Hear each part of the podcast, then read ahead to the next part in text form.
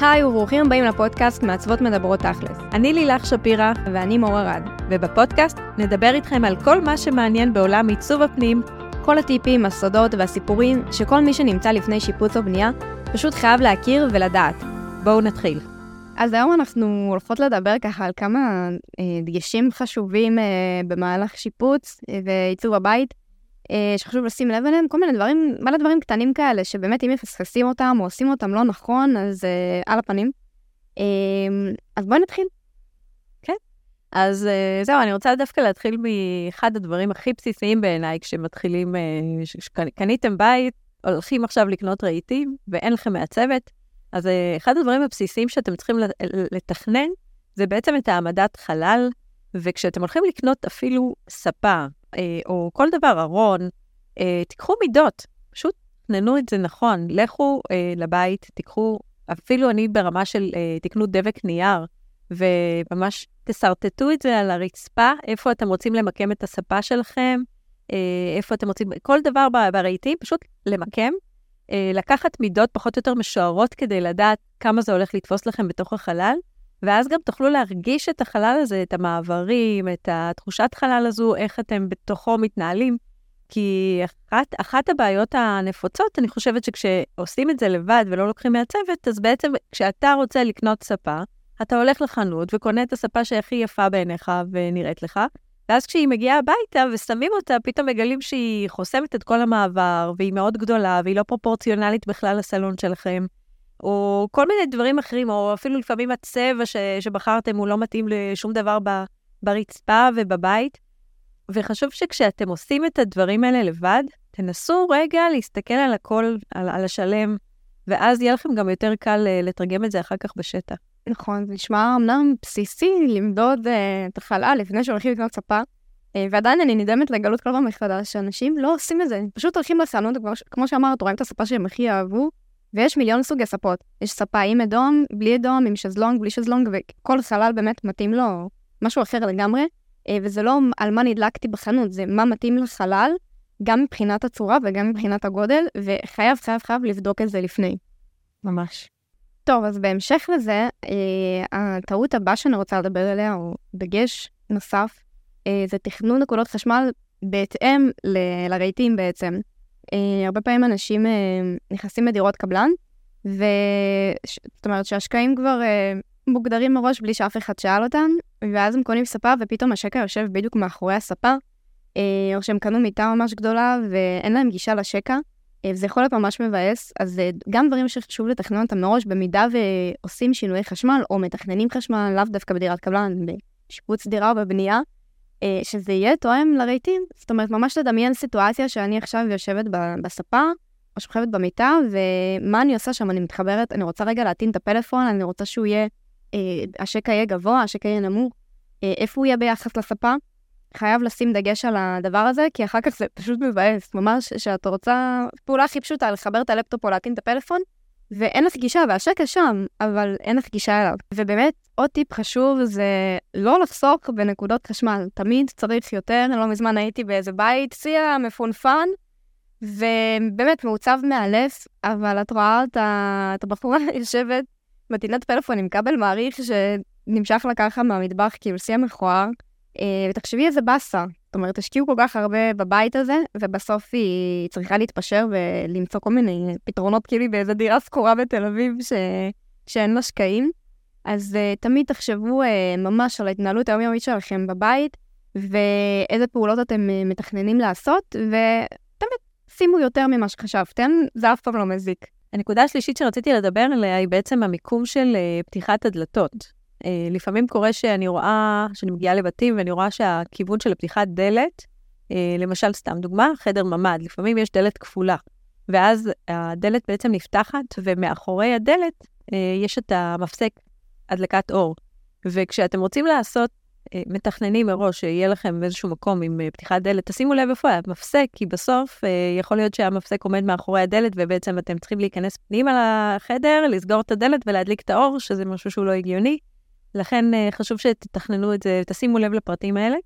עוד מקום שהייתי שמה לב, זה כיוון פתיחת הדלת מבחינת גם אם אתה עומד בחוץ. נניח שפתיחת הדלת שלנו היא מימין לשמאל, אז חשוב שהשקע שלי הוא יהיה בצד ימין, כי כשאני באה להיכנס אה, לחדר, אז הנטייה שלי היא לפתוח ביד שמאל את הדלת, וביד ימין להדליק את האור. למתג. למתג, כן.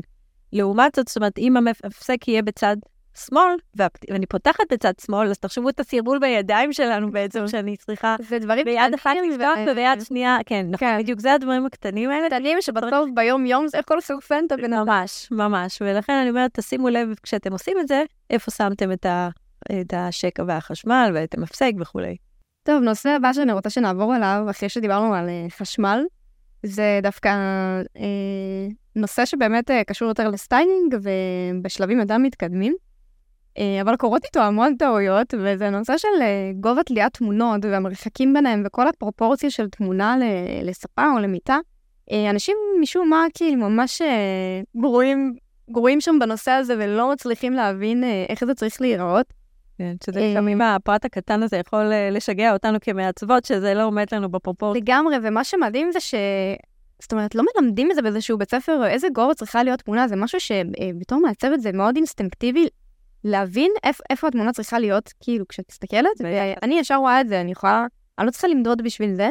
אמ, אבל אם רגע, זה מצחיק, כי פעם עשיתי על זה פוסט, ובשביל להסביר, אני לא יכולה, כאילו, לא היה לי בראש איזה חוק, וממש חיפשתי בגוגל איזה גובה צריך לתלות תמונה, לא כי אני לא יודעת, כאילו, אני יודעת אינסטינקטיבית לעשות את זה, אבל תכלס לפרש את זה למידות וזה, אף פעם לא בדקתי את זה אפילו. אז אה, באמת, מי שאין לו את העין הזאת ורוצה לדעת מה הגובה הנכון, זה פשוט צריך להיות שהחלק האמצעי של התמונה הוא בגובה העיניים שלך פחות או יותר. אה, האמת שמבדיקה שלי, ואחרי הרבה זמן כבר שאני עושה את זה, זה יוצא בערך שהחלק העליון של התמונה בדרך כלל בגובה 2 ו-10 כזה, פחות או יותר, אה, אבל כמובן שזה משתנה, וגם המרחקים בין התמונות, הרבה אנשים תולים תמונות כאילו במרחק הזוי ועצום אחת מהשנייה, והמרחק צריך להיות בין 10 ל-20 סנטים, כאילו תלוי בגודל, בגודל של התמונה, אבל המרחק לא צריך להיות כזה גדול, אה, וזה צריך להיות תמיד ממורכז לספה, זאת אומרת שמכל צד של התמונה יהיה מרחק אה, שווה. אני רק רוצה להוסיף, אה, בעניין הזה שאת מדברת באמת על קטע של הגובה של התמונה, אז זה באמת טיפ מעולה להגיד את זה, כי באמת 2 ו-10, הגובה העליון שלה זה באמת פחות או יותר הגובה שאנחנו צריכים להתכוונן. מה שחשוב לי רק להדגיש, שזה לא קשור לגובה התקרה, זאת אומרת, גם אם התקרה היא 3 מטר או 4 מטר, אז אל תרימו את התמונה ל-2.5 או משהו כזה, כי בסוף אנחנו צריכים תמיד להישאר בגובה הזה של העיניים. טוב, אני רוצה לדבר גם על עוד נושא. אה, הרבה דירות היום הן דירות קטנות, והחלל המרכזי הוא לא כזה חלל גדול, והרבה פעמים אתה מגיע לדירה ואתה רואה שבעצם אין לך מקום אפילו לשים פינת אוכל. ואני חושבת שאני נתקלתי כבר כמה וכמה פעמים ללקוחות שהם לא כל כך מכירים את הפתרונות. יש, יש שפע של פתרונות גם בחוץ שאפשר להחליף את פינת האוכל. שזה לא חייב להיות פינת אוכל כמו שאנחנו רגילים לראות. יש כל מיני שולחנות, יש באמת קונסולות שהן אה, יכולות לשבת בצד, בפינה, ואפשר להשתמש מהן ביום-יום, לשים עליהן מפתחות, דואר וכדומה, איזה אפילו ואזה יפה. וכשמגיעים אורחים, אז באמת לפתוח את השולחן הזה, והוא יכול להיפתח למטר שמונים, ולפעמים גם קצת יותר. אפשר לאחסן את הכיסאות במחסן או משהו כזה, וזה גם נותן פתרון עיצובי. אה, מאוד יפה, וגם פותח את החלל, ולא צריך להיחנק עם איזשהו שולחן שבקושי נכנס בבית. אני רוצה גם להגיד עוד משהו בעניין הזה של פינת אוכל, שלא לא כל אחד צריך פינת אוכל, זאת אומרת, זה אנשים מאוד מקובעים לרעיון הזה של כאילו, אה, סלון, שולחן, פינת אוכל, שככה צריך לראות בית.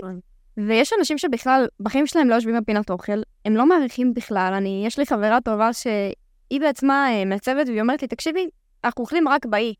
זאת אומרת, יש משפחות שהן לא עכשיו עושות קידוש ולא מארחות, והן רוב הזמן אה, הולכות, אה, ימי שישי הולכים אולי להתארח אצל ההורים, ובאמת היא אומרת, כשאנחנו רוצים אה, לארח באופן חד פעמי, אז יש איזה שולחן מתקפל במחסן ופותחים אותו, אבל אם רוב השנה לא אוכלים שם בכלל, והשולחן הופך להיות כמו איזה מחסן שרק זורקים עליו אה, מפתחות ודברים ומסמכים, אז עדיף שלא לשים, כאילו הכל בסדר, לא חייב, אה, צריך לצאת מהקופסה, אנשים אה, כבר תופסים בית בתור איזשהו משהו מקובע, וזה לא ככה.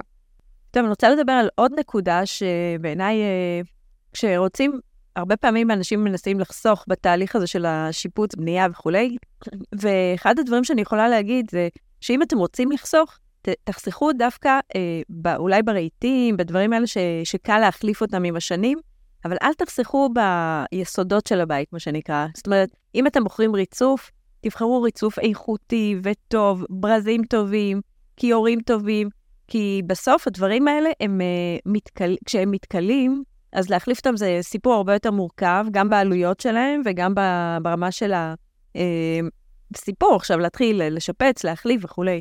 ואם אתם לוקחים מראש אה, מוצרים שהם איכות, האיכות שלהם טובה, הם יחזיקו לכם לאורך שנים, ואתם יכולים להיות רגועים ושקטים, וההפרש ביניהם בסוף הוא לא כזה גדול. זאת אומרת, אז כדאי שכשאתם עושים את זה, תחשבו על, ה, על היסודות.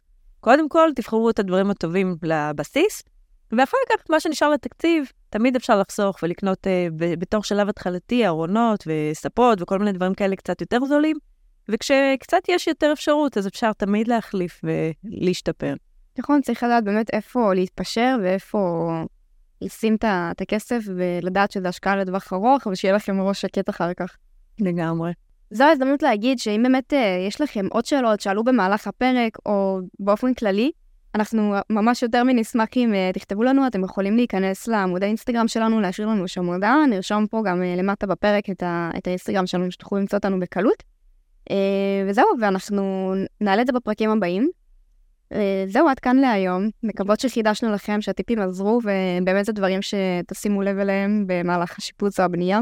טוב, תודה מור. אז uh, אנחנו מסיימות את הפרק הזה, ונחכה לפגוש אתכם גם בפרק הבא שלנו. אם אהבתם את הפרק ולקחתם ממנו ערך, באמת נשמח שתשתפו את זה עם עוד חברים, עם אנשים שאתם uh, יודעים שמשפצים עכשיו, או סתם מתעניינים בעיצוב. זהו, זה יעזור לנו. יאללה ביי. יאללה ביי.